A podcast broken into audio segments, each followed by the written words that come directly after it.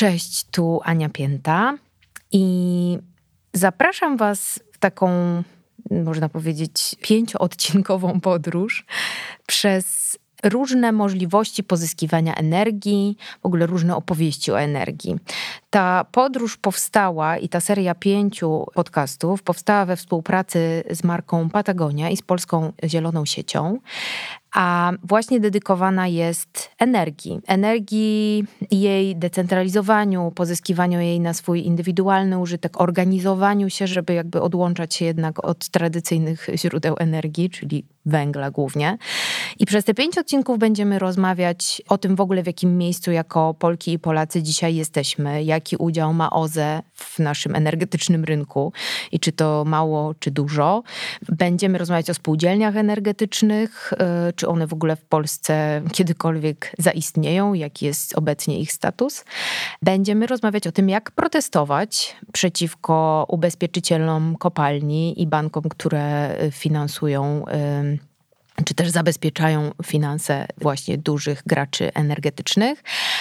I nawet porozmawiamy o takim potencjalnym scenariuszu blackoutu. Zaprosiłam do tego najlepsze ekspertki i ekspertów y, z naj, myślę, najciekawszych organizacji lub też po prostu wolnych strzelców. Odsyłam Was również na stronę wethepowerpolandsplash.com. Ja ją oczywiście umieszczę również w opisie odcinka, ale zobaczcie ją sobie, ponieważ tam znajdziecie również zaproszenia na debaty, które są poświęcone podobnym tematom i tam na te debaty, y, które odbywają się głównie w sieci, możecie się zapisać. Także słyszymy się w ramach tego cyklu aż do października. Ja się bardzo cieszę, że mogę w tym projekcie brać udział. Jeżeli będziecie mieli również związane z tym jakieś dodatkowe pytania, to oczywiście możecie zgłaszać je przez Instagrama czy przez maila do Mudy, bo myślę, że tak łatwo ta seria się też nie skończy i jeszcze energia się w moich spotkaniach z Wami pojawi. Dziękuję i zapraszam.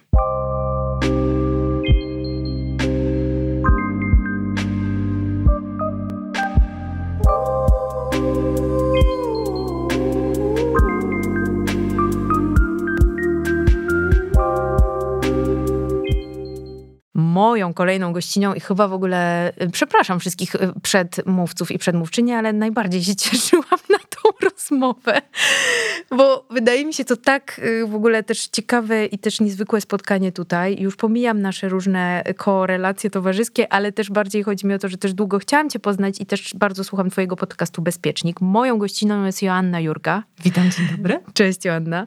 Joanna w zasadzie jest projektantką i też uczy jak projektować, na przykład na warszawskim SWPS-ie, ale przede wszystkim projektuje przestrzeń do życia w izolacji, zajmuje się poczuciem bezpieczeństwa, zarówno warunkach ziemskich, jak i kosmicznych. Jest, jest, analogową, kosmi- y, chciałam powiedzieć kosmitką, astronautką. Nie, znaczy kosmitką jestem nie, niewątpliwie, ale tak, jestem analogową astronautką. Czy ja coś pominęłam? Nie, nie, jestem jeszcze badaczem projektowania, co już w ogóle jest jakąś straszną historią, ale...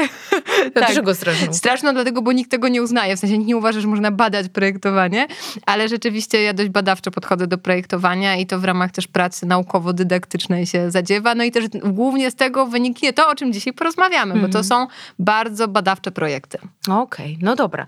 To ja, y, słuchaj, już się nie mogę doczekać, jak zaczniemy sobie y, gadać o tych wszystkich aspektach w ogóle, tak powiedzmy, szeroko pojętego dyskomfortu i między innymi tego, co może wynikać z braku światła tak. Y, i braku prądu kiedyś, którym może nas dotknąć. I chciałabym przeczytać taki fragment recenzji książki, którą około 10 lat temu napisał Mark Ellsberg, w której on pokazuje właśnie katastroficznej książki potencjalny scenariusz blackoutu. Blackout kojarzony przede wszystkim z ciemnością. W książce ma w istocie o wiele bardziej złowieszczy charakter. Bez prądu do domostw nie dociera woda. Martwe sygnalizacje świetlne sieją popłoch wśród mało rozgarniętych kierowców. Ścieki nie są należycie odprowadzane, a życie bez internetu staje się dla niektórych puste i przepełnione cierpieniem. Na ulicach panuje anarchia, półki sklepowe świecą pustkami, przedsiębiorstwa sypią się jak choinki w kwietniu, a bezpieczeństwo narodowe przestaje w ogóle istnieć. Brak elektryczności stanowi m.in. bezpośrednie zagrożenie dla osób pozostających pod kontrolą maszyn do podtrzymywania życia. Brak wody i nieczynne sanitariaty stanowią zagrożenie pożarowe i epidemiologiczne. Następuje załamanie całego rynku finansowego. Niedziałające bankomaty i zamykane placówki bankowe odcinają ludzi od zasobów pieniężnych, którzy z braku gotówki nie mogą zaopatrywać się w podstawowe artykuły potrzebne w codziennym życiu. Zaczyna kwitnąć czarny rynek i lichwiarstwo. I Ellsberg przedstawia w sposób szczegółowy powstawanie nowej instytucji, której jedynym zadaniem jest opanowanie destabilizacji społecznej. No i takie blackouty też były, nawiedziły nie tak dawno Argentynę i Urugwaj, a nawet na przykład 11 lat temu Szczecin, mhm. czyli wcale nie tak daleko. Bo to wiesz, wydaje się, że to jest jakaś wizja z książki sprzed 10 lat dosyć kosmiczna, ale tak naprawdę to, co ty ostatnio zrobiłaś, czyli mm, odniesiemy się do Laboratorium Współczesności i wystawy, która była częścią Łódź Design.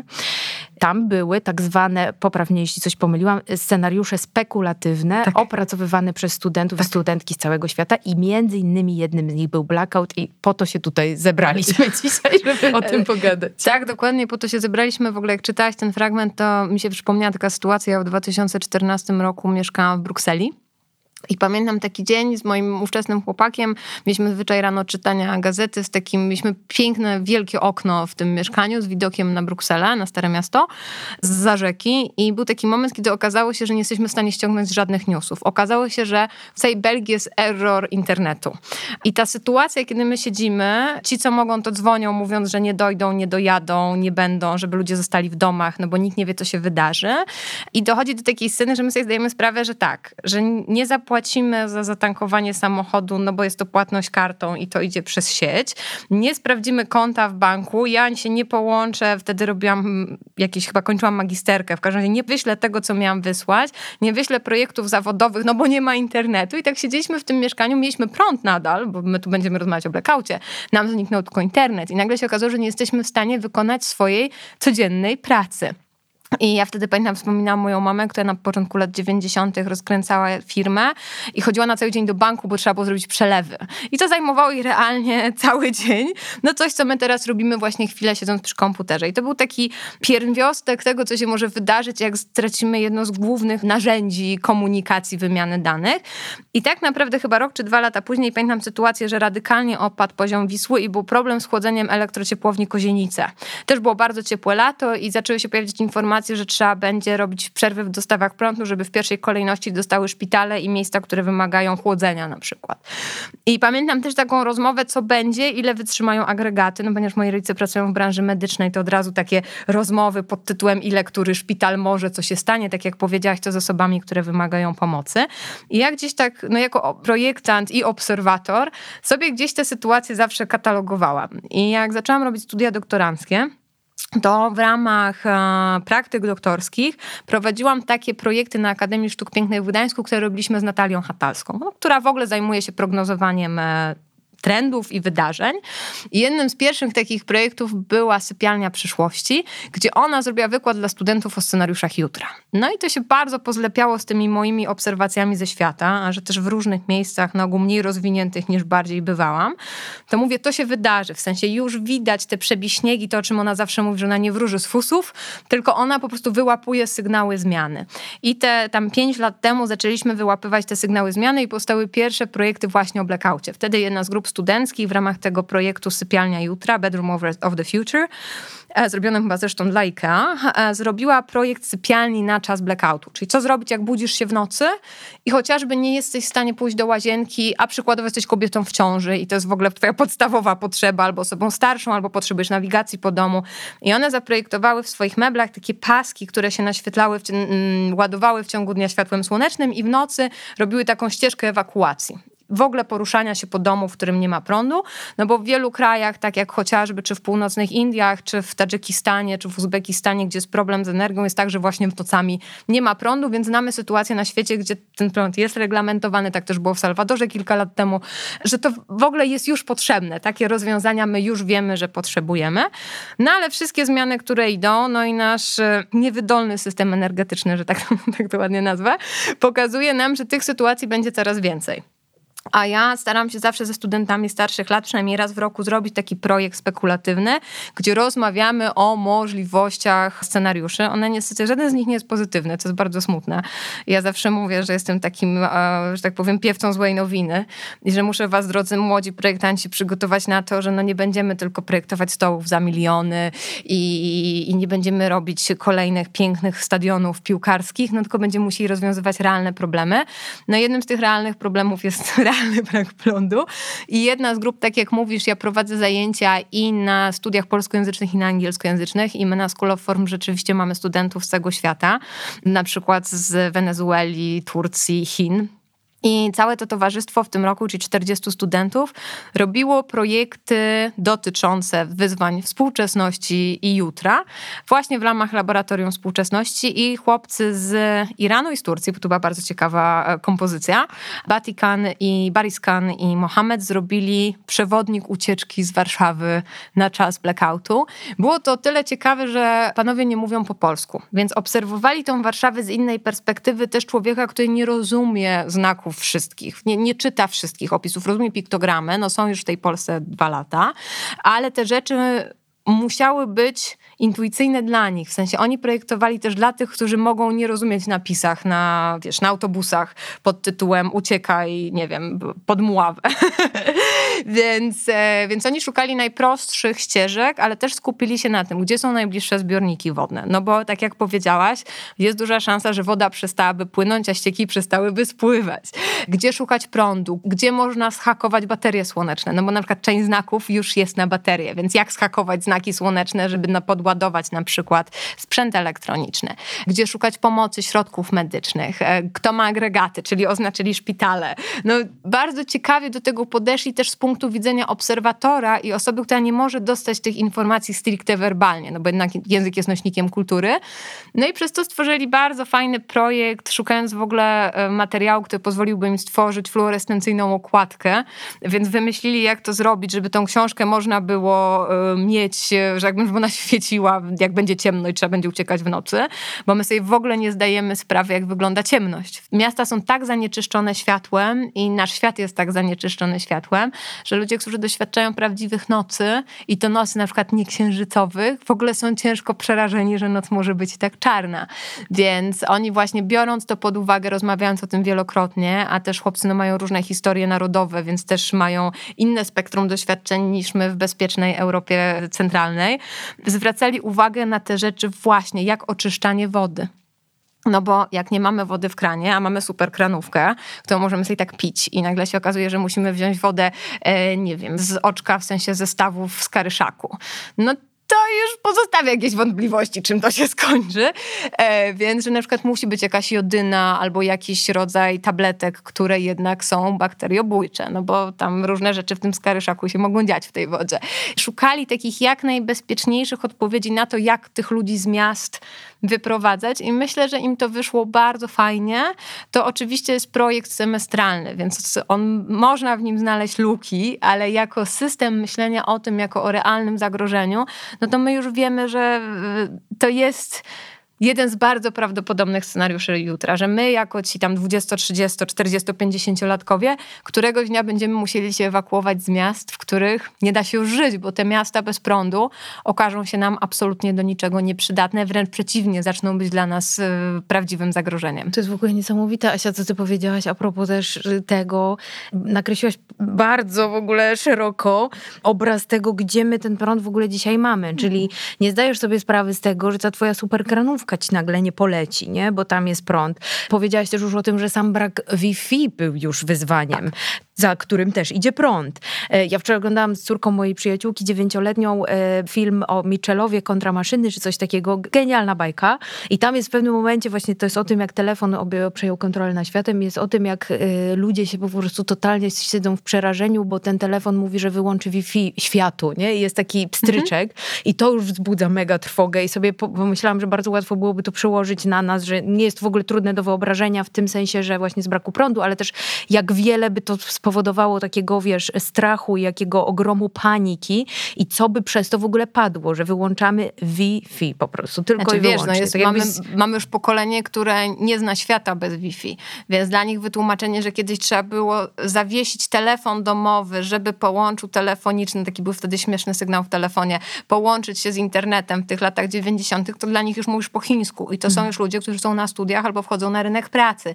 Więc powiedzenie, drodzy Państwo, wyciągamy Wam wtyczkę od świata informacji, już niezależnie jakie Wy informacje z tego świata bierzecie, to jest w ogóle tak, jakbyś im odcięła prawą rękę, bo oni, to jest trochę tak, jak ja czasem wysyłam studentów do biblioteki i oni się tak na mnie patrzą, ale po co? Wszystko jest w internecie, nie? Więc e, to są pewne zmiany pokoleniowe i one nie są ani dobre, ani złe. One po prostu się dzieją i zachodzą, ale dla nich to jest trochę tak jak spytanie się o źródło.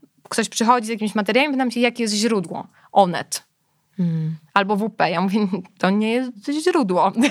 Więc y, tu się pojawiają takie właściwie problemy, zagadnienia, które wynikają ze zmian pokoleniowych, które się po prostu dzieją i dzieją się na naszych oczach i przychodzi mi do głowy taki film, który chyba nazywa się Transcendencja. To jest film, nie jest wybitny, e, z Johnem Deepem, kiedy on jest wybitnym naukowcem i próbuje stworzyć świadomy komputer. I ten film się zaczyna od tego, że, albo się tym kończy, nie chcę pomieszać, że laptopem są przytrzymane drzwi w jakimś takim świecie, którym właśnie nastąpił R, trzeba było wyłączyć całą sieć, żeby zresetować ludzkość, bo ludzkość poszła dwa kroki za daleko i po prostu te laptopy i ten cały sprzęt elektroniczny służy nam tylko po to, żeby właśnie przytrzymać drzwi.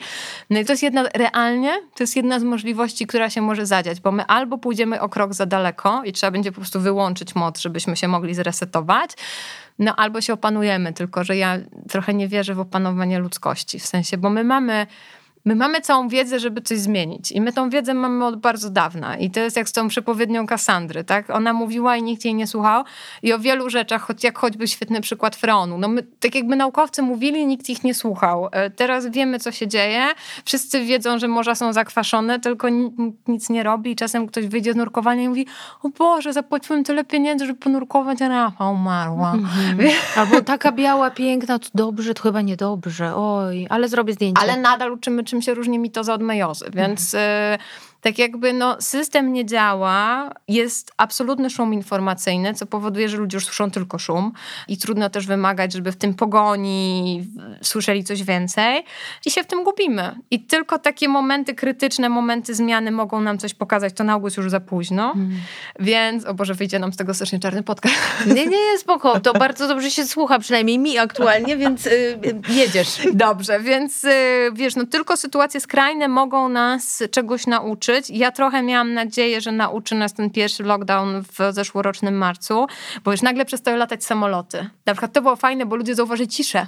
I pamiętam potem, jak przeleciał pierwszy samolot od u nas nad domem, to było tak, boże, głośno rok, trzy miesiące wcześniej normalnie był ruch samolotowy i nikt nie zwracał na to uwagę, uwagi, więc my często dostrzegamy rzeczy po fakcie i myślę, że niestety i z katastrofą klimatyczną i z blackoutem, która jest częścią tej całego wydarzenia, tak może być i wszystkie czynniki zmiany mówią o tym, że obudzimy się z ręką w nocniku i wtedy rzeczywiście takie meble moich studentów, czy takie książki moich studentów będą rzeczą pierwszej potrzeby, bo jakoś z tych miast, które będą wtedy dla nas realnym zagrożeniem, będziemy musieli się wydostać.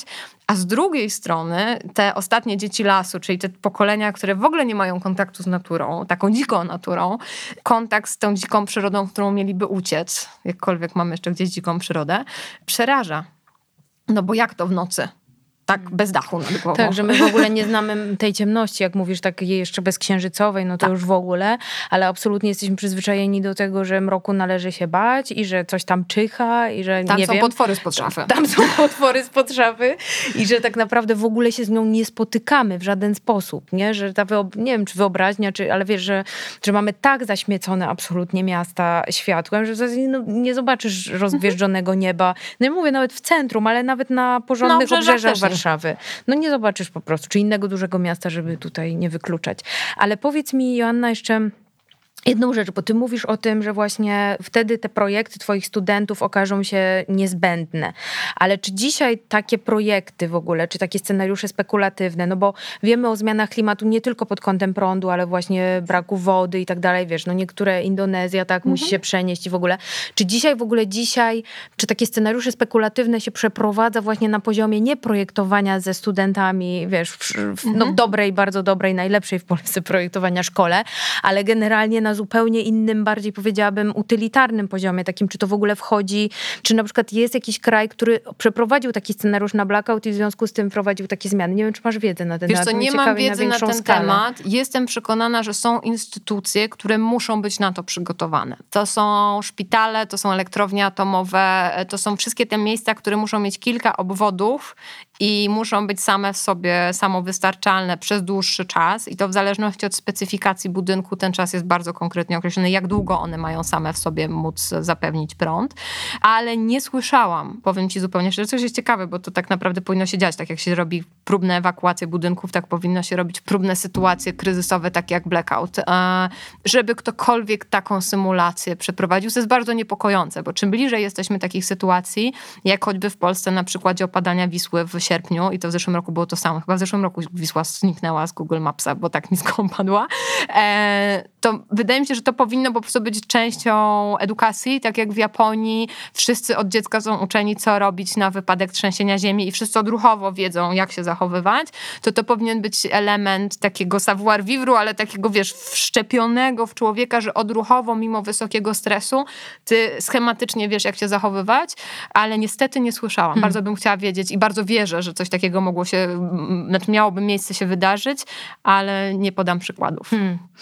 No dobra, ale popatrzmy też na tą sytuację, bo próbuję wrócić do pytań, które miałam do ciebie mimo wszystko, że oczywiście to, co też powiedziałaś mi cały czas, wiesz, przywodzi na myśl po prostu prepersów, nie? Czy wszyscy po prostu będziemy w pewnym momencie prepersami, a nasz świat będzie wyglądał jak Mad Max, będziemy właśnie pili tą wodę z sadzawki i będziemy przygotowani na takie okoliczności, czy to pójdzie w ogóle w inną stronę? Jakby... Znaczy wiesz, mi jest bliżej do teorii, po czym to oczywiście są teorie e, dwóch światów. Będzie teoria świata uprzywilejowanego, które będzie żyło w samowystarczalnych, zielonych habitatach, które będą działać działać w systemie zamkniętym i to będzie ten świat uprzywilejowany i będzie Mad Max dla tych wszystkich, którzy się z jakichś powodów wykluczeń nie załapali. Jest taki bardzo dobry, nie najnowszy serial brazylijski 3%, który jest trochę o tych dwóch równoległych światach i co zrobić, bo tam właśnie 3% rocznie ma szansę przejść do tego lepszego. I to jest taka wizja przyszłości, która mi bardzo utknęła w głowie. Ja to oglądałam kilka lat temu i to mi się wydaje najbardziej prawdopodobne, że obie te rzeczy się wydarzą. W sensie mamy już samowystarczalne budynki, mamy możliwość budowania samowystarczalnych miast, mamy takie nasłonecznienie planety, że prądu moglibyśmy mieć pogrzywkę i wyżej.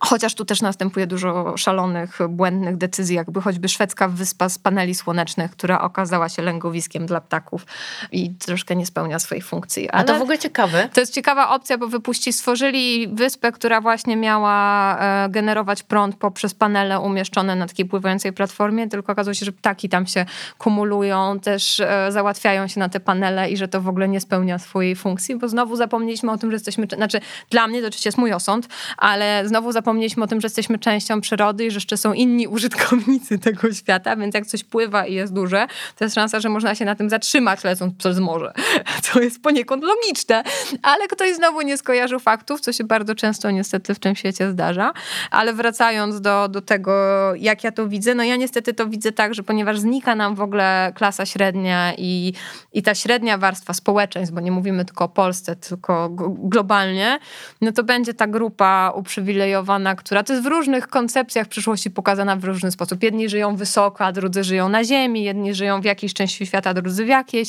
ale myślę, że obie te wersje się wydają, znaczy w sensie, że to jest to mhm. najbardziej możliwe. To nie jest to, że to dotknie wszystkich. Zawsze będą w każdym systemie, nawet w komunizmie, byli lepsi lepsi, więc... To jest też o tyle zgodne z tym, w jakim kierunku niestety idziemy, czyli kurczą nam się zasoby cały tak. czas naturalne, a ludzi przybywa, mhm. więc będzie się trzeba tym jakoś podzielić, no i najpewniej niesprawiedliwie, jak to zwykle w historii ludzkości. Znaczy wiesz, no bo w ogóle jak pomyślimy, czym jest sprawiedliwość, czym jest demokracja, czym jest wolność, to są wszystko bardzo piękne idee, tylko że myśmy nigdy realnie w stu procentach ich nigdzie nie zastosowali. Więc mówienie o sprawiedliwości w świecie, który jest tak różnorodny i tak no, niejednoznaczny e, jest bardzo, bardzo abstrakcyjne, więc e, pytanie, czy świat kiedykolwiek był idealny. My mamy tendencję do idealizowania wszystkiego, co było. Do tworzenia tych e, martyrologicznych wizji, że kiedyś to było tak, a nie inaczej. Tylko to znowu też jest kwestia, kogo zapytamy, bo jest his story i her story i our story. Więc ja jestem bardzo blisko tego, żeby raczej nie przekonamy wszystkich, że trzeba, wiesz, zająć się klimatem i że musimy zacząć oszczędzać prąd i w ogóle, e, bo nasze dzieci mogą go nie mieć. No, no co ktoś stanie powie, ale ja nie mam dzieci. I, to, i, I koniec rozmowy. Więc to jest bardziej o tym, z mojego punktu widzenia, żeby edukować, żeby ludzi przygotowywać, bo my możemy to odsunąć w czasie ale myślę, że nie jesteśmy w stanie doprowadzić, że to się nie wydarzy. Mm. Bo jeżeli, choć, już na przykładzie blackoutów, jeżeli blackouty się już wydarzały i to nie od wczoraj, tylko chociażby Szczecin 11 lat temu, Myślę, że jakby prześledzić historię samej Europy, ile razy gdzieś padła jakaś e, elektrownia, to tego było dużo więcej. Tylko kiedyś też ludzie umieli sobie radzić bez światła. W sensie jest i żyje nadal pokolenie wojenne, które w dużym stopniu przeżyło wojnę bez prądu, bo elektryfikacja wsi, chociażby w Polsce, to są dopiero lata 50. Więc to jest pokolenie dziadków, którzy jeszcze w dużym stopniu z nami są i oni sobie wyobrażają ten świat. No a z drugiej strony mamy już to pokolenie wychowane z Wi-Fi. Nie, nie z prądem, tylko z Wi-Fi.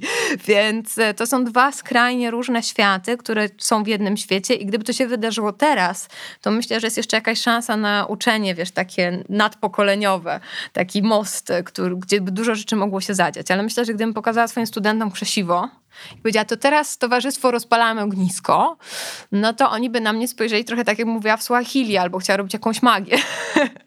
Bo po prostu w normalnym świecie, w sensie tym, który oni znają, bierzesz zapalniczkę czy cokolwiek innego i robisz ogień. Więc... Wiesz, no zdarza się, że niektórzy bardzo naprawdę młodzi ludzie, mm, ja miałam taką dziwną zapalniczkę kilka lat temu jeszcze z takim lątem, no to mhm. mało osób dużo młodszych potrafiło z niej skorzystać na przykład, nie? że no. jak mam to zrobić. Więc to w zasadzie zapalniczka to jest jedyna funkcja, której iPhone'owi chyba brakuje. To prawda, to trzeba napisać do Apple'a, że muszą to dopracować. Ale w ogóle Jana, to co mówisz jest dla mnie, wiesz, strasznie dużo wątków tutaj nam się w, zrobiło. zrobiło. To, co też jest ciekawe w tym, bo ja mam wrażenie, ty mówisz o tym, że nie widzisz ratunku dla ludzkości. Ja też jestem tutaj raczej czarnowicką, ale mm, też wydaje mi się, albo może nie widzę też specjalnie wielu opowieści o przyszłości, które by mogły nas ponieść. I jak słucham o scenariuszach spekulatywnych, akurat mhm. my mówimy o tych ciemnych, nie? Mhm. Ale że to jest jakaś taka w ogóle fajna rzecz, moim zdaniem rzadko wykorzystywana, wiesz, że to są jakieś takie pisane z palca historie, bo komuś się wydaje, albo z kolei, nie wiem, właśnie jakaś mikrogrupa badaczy mhm. sobie coś tam przeprowadza, jakiś eksperyment, albo po prostu w ramach y, design thinking czy jakiegoś mhm. innego warsztatu, właśnie gdzieś tam w szkole po mhm. prostu się, okej, okay, nie ma prądu, co robimy, nie? I wychodzą nam różne tak. wyniki. I teraz może mało w ogóle, po pierwsze edukacja jest na tym opartym, mało może takich opowieści, książek i też książek, powiedzmy, popularno-naukowych jest na tym mhm. opartych, że my po prostu musimy zobaczyć jakąś rzecz, albo ktoś nam musi naprawdę, tak jak ty mi teraz, obrazowo o czymś opowiedzieć, żebym ja poczuła, co mi grozi, nie? Więc może te scenariusze spekulatywne to jest w ogóle taki, wiesz, taki suplement, który trzeba teraz wszystkim dać na różne sytuacje. Tylko wiesz co, e, teraz czytam bardzo fajną książkę o wodzie i czasie, pewnie to znasz. I tam jest bardzo pięknie opisana i historia tego, że jak masz za dużo informacji, to ludzie nie słyszą i też o znaczeniu słów, że pewne słowa w pewnym momencie są nieaktualne. Jeżeli w 2016 roku słowo katastrofa klimatyczna i zakwaszenie mórz wystąpiło w całej islandzkiej prasie cztery razy, to trudno, żeby ludzie byli oswojeni z tym, co to znaczy, tak jak wolność 100 lat wcześniej jest dokładnie ta sama sytuacja, że ja mogę opowiedzieć piękne historie. Ja to pewnie nawet umiałabym ubrać słowa, że ludzie sobie to wyobrażą. Tylko jeżeli to nie ma dla nich styku w sensie, jeżeli nie mamy doświadczenia, póki nie dotkniesz gorącego piekarnika, to jak ci bardzo dokładnie mama opowie, że piekarnik jest gorący i ma bliznę na ręce, bo go dotknęła, no to ty skojarzysz, że mama mówiła i nadal łapa do piekarnika, czy tam do czegokolwiek innego. I to jest niestety tak, że gdyby ludzie uczyli się na historii mówionej i doświadczeniu swoich przodków, no to bylibyśmy prawdopodobnie cywilizacyjnie kompletnie w innym miejscu. My jesteśmy istotami, które bardzo lubią powtarzać błędy i się uczą na nich powoli, jeżeli się uczą to na własnych. I bardzo często po fakcie myślimy, hmm, bo X albo Y nam mówili i rzeczywiście tak jest au boli, albo au jest, albo nie au jest fajnie, ale no, lubimy zdobywać i zbierać te doświadczenia sami, przez co myślę, że jesteśmy w stanie, jest wiele pięknych książek science fiction mówiących o scenariuszach jutra. Ja mam w ogóle wrażenie, że od mniej więcej pięciu lat jest wysyp opowieści spekulatywnych, które opowiadają nam o różnych możliwościach, od właśnie sztucznej inteligencji przez wszelkie formy blackouty. No to jest chociaż popularność serialu Black Mirror, nie? Wszyscy widzieli Black Mirror, bo to było fascynujące, ale czy ktoś z tych ludzi zdał sobie sprawę, że w Chinach już się, wiesz, ocenia, ratinguje mieszkańców i od tego zależy, czy dostajesz kredyt? No ci, co hmm. może czytają, wiesz, wysublimowany rodzaj prasy, interesują ich zagadnienia społeczne. Hmm. Wszyscy odebrali to jako jakąś abstrakcję. Czy ktoś potraktował Orwella poważnie? No to prawda, masz rację. Dla mnie Black Mirror było absolutnie, wiesz, uderzające i zapamiętam chyba ten serial do końca życia właśnie dlatego, że mnie tak przeraziło, ale no to pewnie jestem w tej jakiejś tam e, mniejszej e, grupie i że przeraziło mnie tym, że sobie pomyślałam, że już tu jesteśmy. Że tak, to, bo to, jest... tam nie ma, wiesz, tam nikt nie odjechał 100 lat do przodu. Mhm. Większość większość z tych rzeczy realnie albo już się dzieje, albo są prowadzone zaawansowane badania czy poczynania technologiczne nad tym, żeby się działy. Może nie w 100%, ale w zdecydowanej większości. Ale mówiłyśmy o na przykład tym braku wody, który może być mhm. spowodowany, tej kranóweczki nawet, który może być spowodowany y, brakiem prądu. Mówiłyśmy na przykład o czymś takim, y, o historii pod tytułem kobieta w ciąży wstaje do toalety, nie, jest kompletna ciemność, jak ma to zrobić i rozwiązaniu na to. Y, o ucieczce z Warszawy. A jeszcze coś jakbyś przytoczyła z tych właśnie scenariuszy scenariuszy, takiego, co cię nawet zaskoczyło, jak studenci do tego podeszli, bo też mnie ciekawi, jak się takie scenariusze spekulatywne pisze, nie? W sensie, że dobra, znaczy, nie ma co? prądu i wtedy co bierzesz pod uwagę? Bierzesz pod uwagę, ok, nie ma prądu w mieście, co mamy w mieście? Jak znaczy, się schodzi do... Mieliśmy na przykład taki genialny projekt studentów polskiej grupy, którzy zrobili grzybnię, która przez to, że generuje ciepło podczas kompostowania, wytwarza prąd i że tu można by było, wiesz, dzięki kompostownikom i właśnie powstawaniu ciepła produkować prąd. Bardzo dużo takich rzeczy na skraju nauki, dużo biologii. Na ogół to była, wiesz, biologia, ale też właśnie hakowanie systemów, czyli gdzie tego prądu w mieście szukać. Jak kiedyś zdobywano prąd, bo ja na przykład zawsze mówię, że nie stworzymy rozwiązań dla przyszłości, nie znając rozwiązań przeszłości. I to zarówno w ekologii, jak i właśnie często w rzeczach technologicznych, jeżeli musimy zejść na dół, a nie do góry. E, znaczy w sensie nie rozwinąć się bardziej technologicznie, tylko znaleźć coś, co byłoby jakimś pomostem. Więc to hakowanie chociażby paneli przy znakach, czy te grzybnie, z których powstawał prąd, no były takim fajnym, wiesz, takim łapaniem drobnych rzeczy, z których można by było skorzystać, no już nie mówiąc o w samodzielnym tworzeniu generatorów, nie? Bo ropę jakoś wyściesz, w sensie zrobisz jakąś pompkę, żeby ją wydostać, y, tak długo jak ona będzie w zbiornikach w mieście, więc to też na jakiś czas daje ci zasób, ale pytanie zawsze co dalej, no w takich momentach, wiesz, nie każdy ma w domu e, turystyczne panele słoneczne, bo to jest genialne rozwiązanie, ja to znam z rajdów samochodowych i z turystyki, że wiesz, bateria na plecach i masz naładowane to, co potrzebujesz do pracy ale nie każdy z nas w domu takie rzeczy posiada. No z jednej strony można by było teraz zrobić, wiesz, reklamę twórcom gadżetów turystycznych i powiedzieć, to teraz, drodzy Państwo, wszyscy mamy taki plecaczek. Zresztą w tej książce chłopaków, od których zaczęliśmy, jest taka lista, co warto w domu mieć. I to wcale nie jest jakiś wielki kliperski zapas. W sensie tam nie ma na 10 lat e, zapasów z ryżu, ale taki podstawowa rzecz, e, co zrobić. Ja myślę, że ten system edukacji fińsko-norweski, który uczy dzieciaki od dziecka, jak przeżyć w przyrodzie, bo my w przyrodzie mamy pełne zasoby, więc e, jak i znaleźć dobre źródła wody, jak ją uzdatnić, e, jakie jagody, jakie rośliny można jeść, jakie grzyby, jak zdobyć zwierzynę, jeżeli ktoś jest mięsożerny, jak ją oprawić, to ja mam trochę takie poczucie, że to powinno być w systemie szkolnym. I oczywiście nie jako, wiesz, teraz wywalmy historię, matematykę i fizykę, tylko jako jedno z zajęć uzupełniających, żeby w takiej sytuacji znowu wszyscy mieli narzędzia. Mhm. I to znowu wracamy do gigantycznego problemu edukacji, ale do tego, że jeżeli my się nauczymy prostych rzeczy, bo to nie o to chodzi, żeby teraz, wiesz, wszystkim siać panikę i mówić, że bez prądu będzie tak strasznie i tak trudno i, i że będą się działy złe rzeczy. W pierwszym odruchu będzie, wiesz, freeze, w drugim będzie fight, a potem wszyscy będą uciekać, nie? Ale myślę, że gdyby po prostu mieć taki prosty zestaw umiejętności, trochę jak e, z treningiem lawinowym, jak na przykład jeździsz na off-piście na nartach, że po prostu wiesz, co zrobić, jak idzie lawina, masz to w systemie nerwowym. To samo, wyłączają prąd, ty wiesz, jakie są ruchy, ty wiesz, że jeżeli będziesz w lesie i będziesz miał w nim przeżyć, to wiesz, skąd wziąć wodę, wiesz, co możesz zjeść, wiesz, jak złapać królika. e, bo to daje ci to poczucie niezależności, a my wszyscy, myślę, w tych czasach jesteśmy bardzo upupieni, tacy otoczeni folią bąbelkową. Nam jest mhm. bardzo miło, ciepło i wygodnie i tak naprawdę nasze dyskomforty 100 lat temu nie byłyby dyskomfortem. I straciliśmy tą umiejętność takiego przetrwania, takiego bycia. I jeżeli miałabym pomyśleć o czymś pozytywnym, to myślę, że po prostu danie ludziom tej wiedzy i nauczenie ich, nawet krótkoterminowo, że musimy na ileś czasu wyjść z tych miast, że to nie jest, wiesz, wieczne. Mm-hmm. Szczególnie, że my mamy, wiesz, duże zaplecze alternatywnych źródeł energii. W sensie, to cały czas jest o tym, bo my tak rozmawiamy o blackoutie i jak bardzo to jest możliwe, ale z drugiej strony my mamy rzeki, mamy wiatr, mamy słońce. Ziemia ma takie nasłonecznienie, że naprawdę prądu by nam starczyło, moglibyśmy się w nim kąpać i jeszcze nie wiem, co z nim robić, ale zużywać go na pod... nie wyłączać klimatyzatorów. Tak, że to też jest odpowiedź na, na taki na blackout. problem. No, tak, na problem. problemem, odpowiedzią na problem jest po prostu zrezygnowanie z archaicznych źródeł energii. Mhm. Jeżeli każdy budynek będzie miał swoje panele, czy tak jak teraz powstają te peroskity, czyli możliwość stosowania takich folii powłok, które zbierają i archiwizują źródła prądu ze światła słonecznego.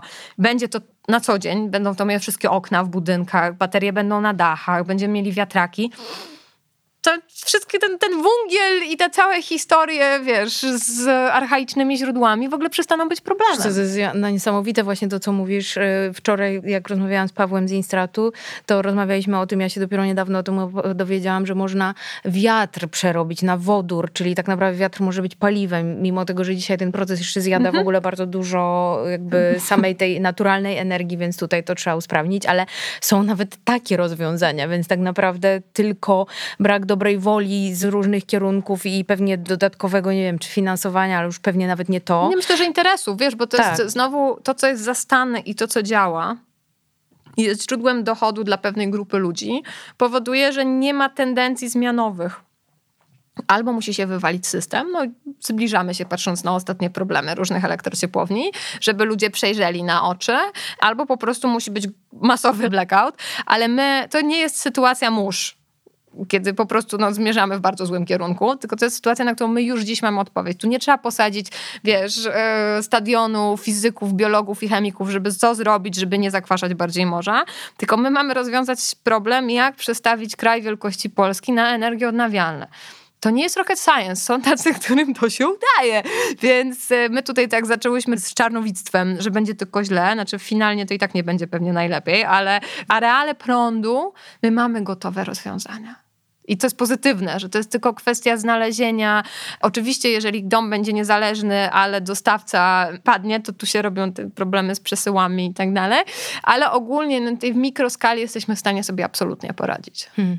Ale to idąc pozytywną stroną, słuchaj, jeszcze pozytywnym, mhm. jakby w tym negatywnym scenariuszu, to nawiążę do tej historii, która mnie zainspirowała w Twoim bezpieczniku, gdzie rozmawiałeś z Martą Niedźwiecką o dyskomforcie, o ciemności, w kontekście pewnego eksperymentu, do którego tutaj e, się odnoszę czyli zamknięciu we Francji w jaskini 15 osób na 40 dni, tak jest, 12 mhm. stopni mhm. Celsjusza w środku, 95% wilgotności, ludzie sobie sami wytwarzają prąd. Tak. No i mają zapasy jedzenia, wiekowo zróżnicowana grupa, zawodowo zróżnicowana grupa.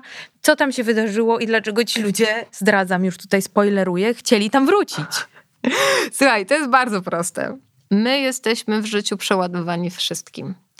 Bardzo często nie znamy samych siebie, bo gonimy za różnymi rzeczami, zapominając, czego my naprawdę potrzebujemy. Social media nam absolutnie nie pomagają w niczym, bo sprzedają nam jakąś wizję idealnego świata, którego nikt tak naprawdę nie, nie doznaje.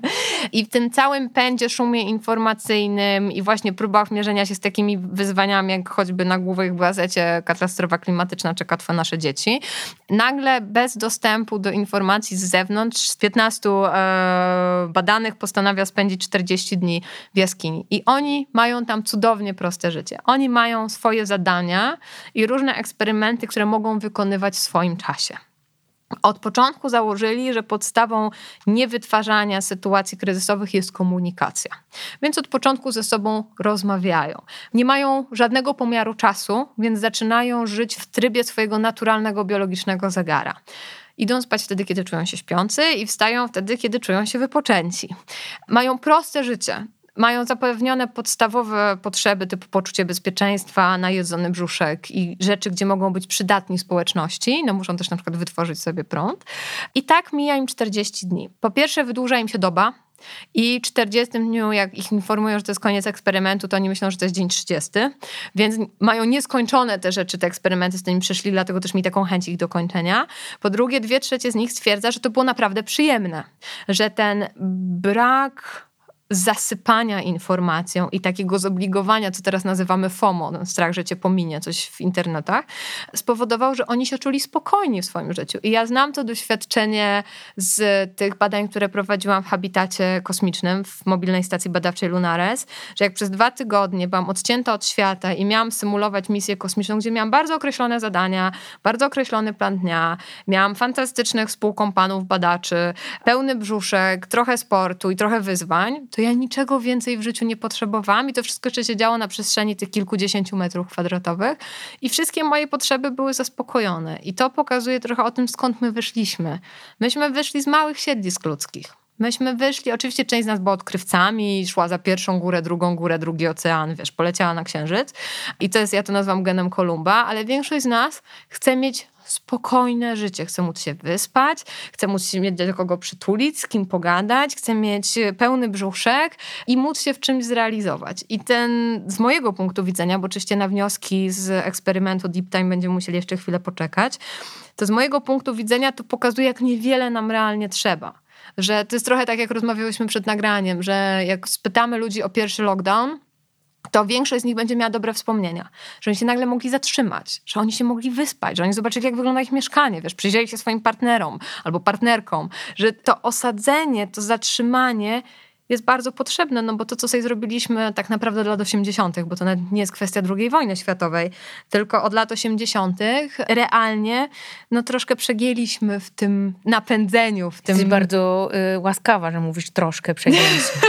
Wiesz, jest najlepszym przykładem e, przegięcia i robienia za dużo naraz, bo właśnie technologia nam na to pozwala i uwielbiam te momenty zatrzymania i też umiem je docenić, więc myśląc o tych badaczach i myśląc o tych eksperymentach, których jest coraz więcej i o tym globalnym doświadczeniu, którym jest pandemia, to widzę tą tęsknotę w ludziach. Ona nie jest do końca jeszcze wyartykułowana, ale tą tęsknotę za prostotą tą mhm. tęsknotę za tym, że podróże mogą być lokalne, nie muszą być wiesz, do Meksyku i na Bali, że, że za płotem też może być fajnie i że wyjazd pod namiot może być absolutnie obłędny. Więc y, jestem bardzo bliska takiej koncepcji, że ta lokalność i widzę pewną nadzieję w tym, że przerwały się łańcuchy dostaw i że nie musimy zużywać tyle energii na to, żeby wysłać mikrochip na jedną stronę świata, żeby produkt wysłać z powrotem na drugą, a potem jeszcze dostarczyć to do sklepu na trzecią. Wiesz, tak jakby ja gdzieś liczę na to, że my w tym obłędzie nadprodukcji i nadpotrzeb się jednak mimo wszystko opanujemy. I może jakaś forma czy blackoutu, czy przewrotu będzie tym narzędziem zmiany. Hmm. No właśnie, w ogóle, bo ty mówisz bardzo dużo też o tym, jak zagrożenie jest szansą, czy jak dyskomfort może być nowym komfortem. E, moja przyjaciółka mówi na takie sytuacje, zróbmy z tego walor. Tak. Czyli z każdej po prostu, z każdego wyzwania i takiego dużego problemu zrób walor, przekuj to w coś dobrego i generalnie mm, to nie jest o tym, że wyprzyj, że masz problem, tylko po prostu mhm. okej, okay, to już się wydarzyło, więc teraz powiedz, Co możemy że, z tego no, wynieść. Tak, co możemy z tego wynieść, albo no dobra, tak miało być, nie? Albo no dobra, no jakoś trzeba się z tym przynajmniej trochę pogodzić i zobaczyć, gdzie nas to dalej zaprowadzi. Więc to bardzo ciekawe. I ten dyskomfort w ogóle to jest też dla mnie super jakaś inspiracja, o którym ty mówisz też w swoim bezpieczniku dużo i też właśnie pisanie takich czarnych scenariuszy. To jest coś, co my mamy kompletnie wycięte z naszej rzeczywistości, ale tak kompletnie. Jesteśmy opasani tą folią obelkową, o której wspomniałaś, tu, żebyś się nie przewrócić. Jak ja widzę na przykład dzieci, które jeżdżą na rowerkach i mają i kaski, pięć nakolanników, i podłokietniki, i coś tam, to sobie myślę, no, no super, no po prostu naprawdę, już pomijam, że dzieci same, nie wiem, nie są na dworzu, czy nie podróżują same po mieście, bo mhm. po prostu wiadomo, że są kompletnie wyłączone z wielu mhm. dziedzin. Nie uczą się jej odpowiedzialności, co tak, wrażające. Tak. Że wiesz, i że jakby ciągle się zabezpieczamy mhm. na wypadek, gdyby, gdyby coś tam, nie? Gdyby. Mhm. Ale to też są w dużym stopniu media. W sensie, to też widać na przykładzie tego, co dzieje się w tej chwili. Jest mało racjonalnych decyzji, jest bardzo dużo napędzonego strachu systemowo. I to w każdej dziedzinie, od wychowania dzieci po pandemię. Mhm. Więc e, jak cichy jest głos badaczy w każdej dziedzinie. Jest masę, jak ja to mówię, himalajstów kanapowych, czyli ludzi, którzy nigdzie nie byli i niewiele widzieli, ale wiedzą wszystko na każdy temat. A bardzo cichy jest ten głos ludzi, którzy poświęcają życie, żeby coś zbadać, zrozumieć, wynaleźć. Więc myślę, że trzeba mieć naprawdę dużo zdrowego rozsądku i być jednak trochę wyłączonym ze świata mass mediów, żeby móc podejmować, wiesz, zdrowe, racjonalne i pojmowane wtedy społecznie bardzo odważne decyzje. W każdej dziedzinie, bo to jest po prostu też piętnowane, nie? W takim świecie bardzo szybkich ocen to nie jest mile widziane, więc myślę, że trzeba mieć bardzo mocne swoje self, żeby móc do tego podejść tak, wiesz, wolnościowo. Mm. Wiesz, to, to pandemia, o której wspomniałaś, to jest trochę off-topic, ale ona też bardzo pokazała, jak e, niewielu takich prawdziwych liderów i liderek mamy na szczycie. Tak. A prawdziwymi liderami, liderkami okazywali się zupełnie zwykli ludzie w takich czasach, nie? Mhm. Więc to też jest pewnie taki, wiesz, to też może jakby te, te scenariusze, o których mówimy yy, i na przykład tacy projektanci, którzy na przykład, nie wiem, przejmują się, że nie będą projektować, yy, ja to do mody też zawsze mhm. porównuję, wiesz, ubrań czy mebli mebli za miliony. No nie, to nie jest w ogóle już czas. Jakby ile można wyprodukować jeszcze tych samych stołów, tych samych lamp. Szczególnie, że wiesz, no krzesła domy wszystko... mamy na 200-300 lat wyprodukowanych. To tak więc... jak ze szmatami, I, nawet pod, chociaż nie, z meblami bardziej, bo są dużo bardziej dłuższe, trwałe. Nie? ale znaczy dłużej trwałe, ale no zdecydowanie my mamy, my żyjemy w świecie absolutnego nad, nad wszystko. I też mamy nad energii. Myślę, że gdybyśmy korzystali z tych odnawialnych źródeł, to mamy jej w brud jeszcze trochę. Tylko to jest znowu kwestia mentalnej zmiany i to jest trochę to, o czym powiedziałaś, w Wedach to jest durga, a w naszej kulturze to było katarzis, czyli musimy się mm, przejść przez sytuację krytyczną, żeby móc w ogóle odświeżyć spojrzenie, móc się odrodzić. I wydaje mi się, że my po prostu zbliżamy się do tego, przynajmniej mam nadzieję, wiesz, bo już uważam, że globalnie potrzebujemy katarzis, żeby zacząć tworzyć jakąś nowy, lepszy świat, jak to pięknie mm. brzmi. Albo już jesteśmy w tym punkcie krytycznym, nie? To też jest po, po, prostu może on nigdy nie będzie taki, że stanie przed nami i powie, cześć, jestem punkt krytyczny. Nie, no to się, nie, wiesz, to zawsze widać z perspektywy czasu, w sensie to widać po latach bądź po dziesięcioleciach, że to był ten game changer. Mm. Chociaż myślę, że ostatni rok pokazał, jak szybko mogą się zmieniać nasze nasze nawyki, więc to jest game changer. To, w czym jesteśmy, jak przestawiły się szkoły, jak przestawiły się urzędy, jak przestawiły się systemy. Nie wszystko jest pozytywne, ale jednak ta zmiana, o której wszyscy mówili, że się nie da, po prostu została wymuszona i rzeczy się zadziały, więc e, tak, Więc... dzisiaj miałam, słuchaj, dokładnie identyczną refleksję, jak wyszłam rano do sklepu spożywczego i pani od razu i się zapomniałam, a gdzie maseczka? I sobie pomyślałam, kurde, przecież równie dobrze można by nas wytresować w taki mhm. sposób, że na przykład proszę mi nie wchodzić z tą plastikową siatką tutaj. Dziękuję. Ale rzeczywiście, z maseczkami udało, wiesz, wystarczyło zbudować historię zagrożenia i wszyscy ludzie się, wiesz, piętnowali na ulicach, że jesteś bez maseczki. Więc dokładnie to samo z na pewno większym pożytkiem dla planety, bo zapomnieliśmy o tym, ile maseczki, przyłbice i rękawiczki i cała reszta, co tam, co to robi klimatowi, bo nie robi dobrze e, i gdzie to trafia i, i, jak to się rozkłada, ile lat. I podejrzewam, że jeżeli ktoś będzie odkopywał jacyś archeolodzy za 2000 lat, rok 2020, to wykopią bardzo dużo maseczek i innych takich dziwnych osprzętów i będą się zastanowili, ale o co chodzi? No na tej podstawie sobie myśleć, co tu się wydarzyło, tu się nie? Wydarzyło? Jakieś po prostu firmy farmaceutyczne upadły. Przejęły świat. albo przejęły świat, no tak naprawdę. Więc, e, trochę tak. Trochę tak, więc wiesz, no myślę, że że, że, to, że to można by było ludziom zaszczepić. Można by było wymagać, że każdy nowy dom musi być samowystarczalny. Budowlanie my jesteśmy na to gotowi technologicznie mamy te technologie, tylko no widocznie jeszcze gdzieś, bo to, jest, to już jest legislacja. To nie jest dobra wola różnych ludzi, tylko to jest to prawnie musiałoby wejść, że każdy budynek, który dostaje pozwolenie na budowę od 2023 musi być samowystarczalny energetycznie. Amen. Mhm. I pani w urzędzie nie, wiesz, nie klepnie ci innej sytuacji niż taką. I to jest do przeprowadzenia, tylko no... tak, wiadomo. Wiadomo. wiadomo. Joanna, ja ci strasznie dziękuję. Myślę, że mogłybyśmy jeszcze długo gadać o języku jakby związanym z, z, katastrofą klimatyczną i z tym, w jakim punkcie jesteśmy i czy on jest inkluzywny, czy zupełnie nas wyklucza i po prostu, czy wiesz, czy potrafimy to poczuć dzięki temu, czy nie. I o źródłach odnawialnych źródeł energii, i o designie, i o scenariuszach spekulatywnych, ale to myślę, że po prostu już y, poza anteną albo kiedyś tam. I to jest w ogóle niekończące są te wątki. Ja ci życzę chyba, żeby twoi studenci y, po prostu jakby realnie wchodzili. Zmienili nam świat tak, zmienili nam świat i realnie. I taki apel chyba może nasz wspólny do projektantów, żebyście totalnie nie fokusowali się na żadne rzeczy, bo mamy ich dużo tylko na tak. rozwiązywanie problemów. Tak, tak i wtórne wykorzystywanie surowców. To też ważne. No. Bardzo dziękuję. Moją gościnią była Joanna Jurga. Zapraszam na stronę Joanny, bo tam dużo znajdziecie o niej informacji i znajdziecie też świetny podcast e, Joanny Bezpiecznik, w którym rozmawia o tym wszystkim, o czym właśnie gadałyśmy i jeszcze więcej. Więc myślę, że ta rozmowa będzie bardzo inspirująca. Po więcej zapraszam na, do podcastu Joanny. Dziękuję Ci bardzo. Dziękuję bardzo.